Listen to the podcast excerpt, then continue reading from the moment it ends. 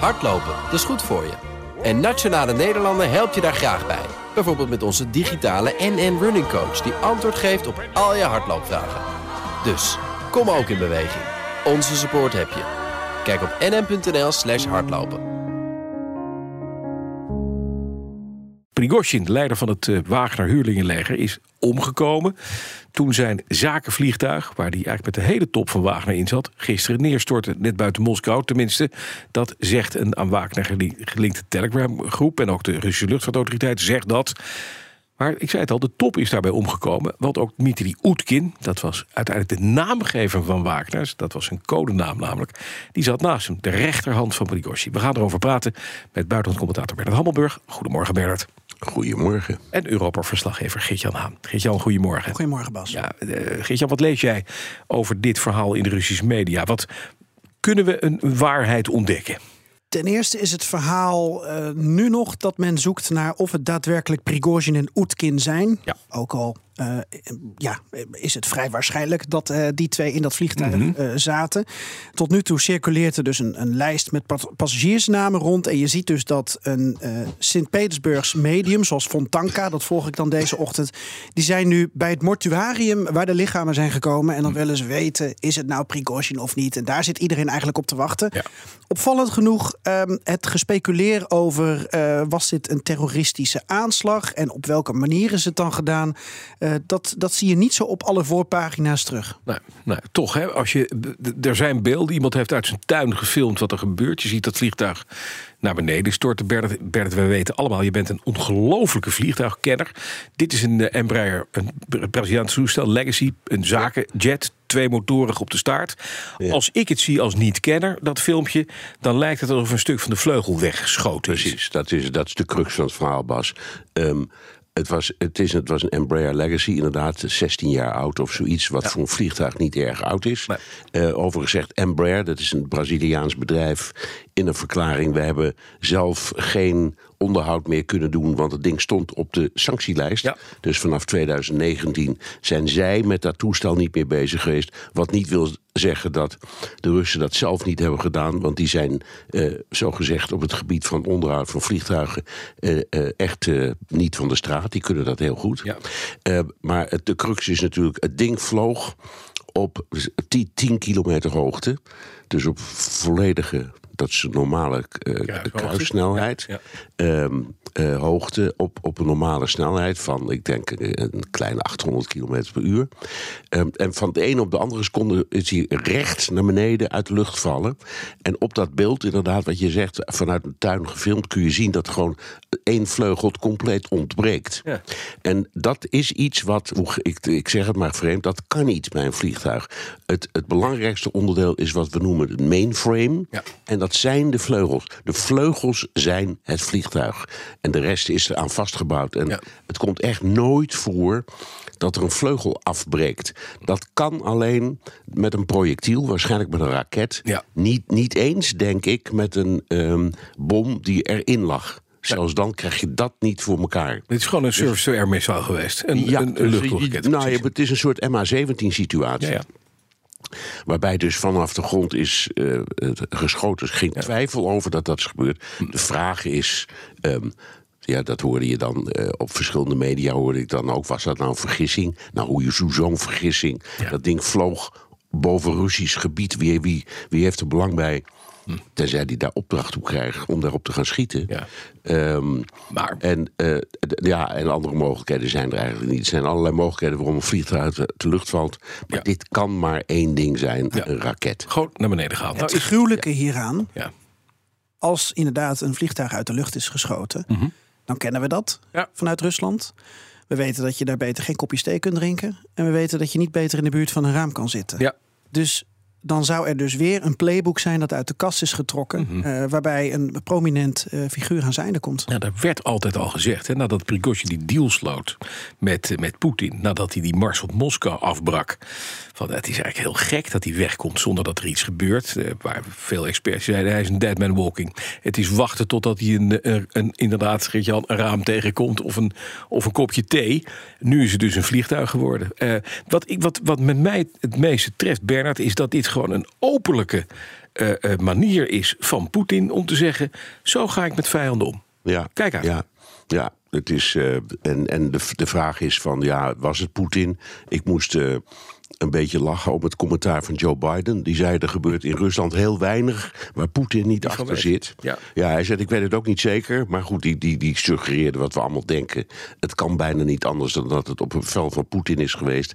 En naar mijn idee niet bijvoorbeeld op een vel van Shoigu, de minister van Defensie, eh, met wie eh, Prigozhin het altijd aan de stok had dit is echt gewoon een, een, uh, een wraakactie geweest. Kan bijna niet anders. Wat, wat is de reden, de reden geweest, Geert-Jan, om Prigozhin uit de weg te ruimen? Werd hij toch te gevaarlijk, te bedreigend voor Poetin?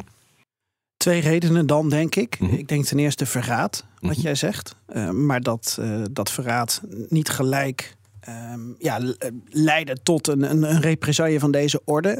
Uh, eerst werd hij naar Belarus gestuurd met zijn ja. Wagner-mensen. Uh, de rest van Wagner moest onder het ministerie van Defensie komen. Ja, dus werd ontmanteld eigenlijk. Hij, en zijn um, uh, alles wat hij had, zijn bezittingen, werden ook al grotendeels ontmanteld hè, van Prigozhin. Later kreeg hij dat wel weer terug, maar er werd een soort blame game gespeeld in de media. Al zijn paspoorten en pruiken en alles wat hij uh, Precies, had om door het leven te kunnen gaan. Uit zijn uh, appartement getrokken. Dat werd getoond. Ja. dus hij is eerst door het slijk gehaald. Ja. Nou, en nu is hij dan mogelijk vermoord, omdat er dan dus um, mm -hmm. dat, dat verraad moet worden beantwoord.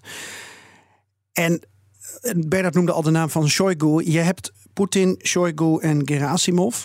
Uh, in het Kremlin uh, zou het kunnen dat je niet op basis van competentie opereert, maar wel op basis van loyaliteit. Ja, vriendjes. En als Prigozhin en nog een paar andere mensen dus toch niet meer helemaal uh, goed bevriend waren en loyaal ja. waren, ja, dan, uh, dan heb je een ja. probleem. En het mooiste is natuurlijk, Bernard, als je deze aanslag pleegt, ben je meteen de hele top van het Wagner huurlingenleger ja. kwijt. Ja, het was wel een grote opruiming, inderdaad. Ja. Um, uh, het is ook, weet ik niet, er was eerst een verhaal dat er twee vliegtuigen waren. Dat, uh, dat Geert-Jan mm -hmm. heeft het uitgezocht. Dat andere vliegtuigen bleken helemaal niks mee te maken te hebben. Dat vloog de andere kant uit.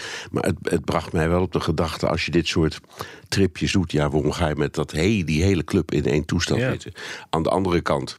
Um, Prigozhin heeft waarschijnlijk op van alles nog wat gerekend en overal rekening mee gehouden. Maar niet dat zijn eigen vliegtuig, want dat was het althans. Hij had dat geleased vast. Mm -hmm. Dus het was zijn toestel. Dat ze, dat ze daar iets mee zouden doen. Ik denk dat hij er gewoon niet op, niet op de gedachte is gekomen. En trouwens, wie wel, nogmaals, een vliegtuig dat van Moskou naar Sint-Petersburg vliegt, midden over Russisch grondgebied. Daar is geen oorlog. Er zijn geen oorlogshandelingen, helemaal niks. Wie komt op het idee dat dat uit de lucht zou kunnen worden geschoten? Ja. Ik denk de maffiabaas die boven alle andere kleine baasjes staat. Vladimir Kapoditutikapi. En die zegt: Leuk dat je uh, decennia lang een syndicaat hebt gehad. Met mij in Mos in Sint-Petersburg bent opgegroeid. Want mind you, uh, Poetin was een adviseur van de burgemeester toen hij Prigozhin leerde kennen. Toen -hmm. waren ze allebei nog niet zoveel.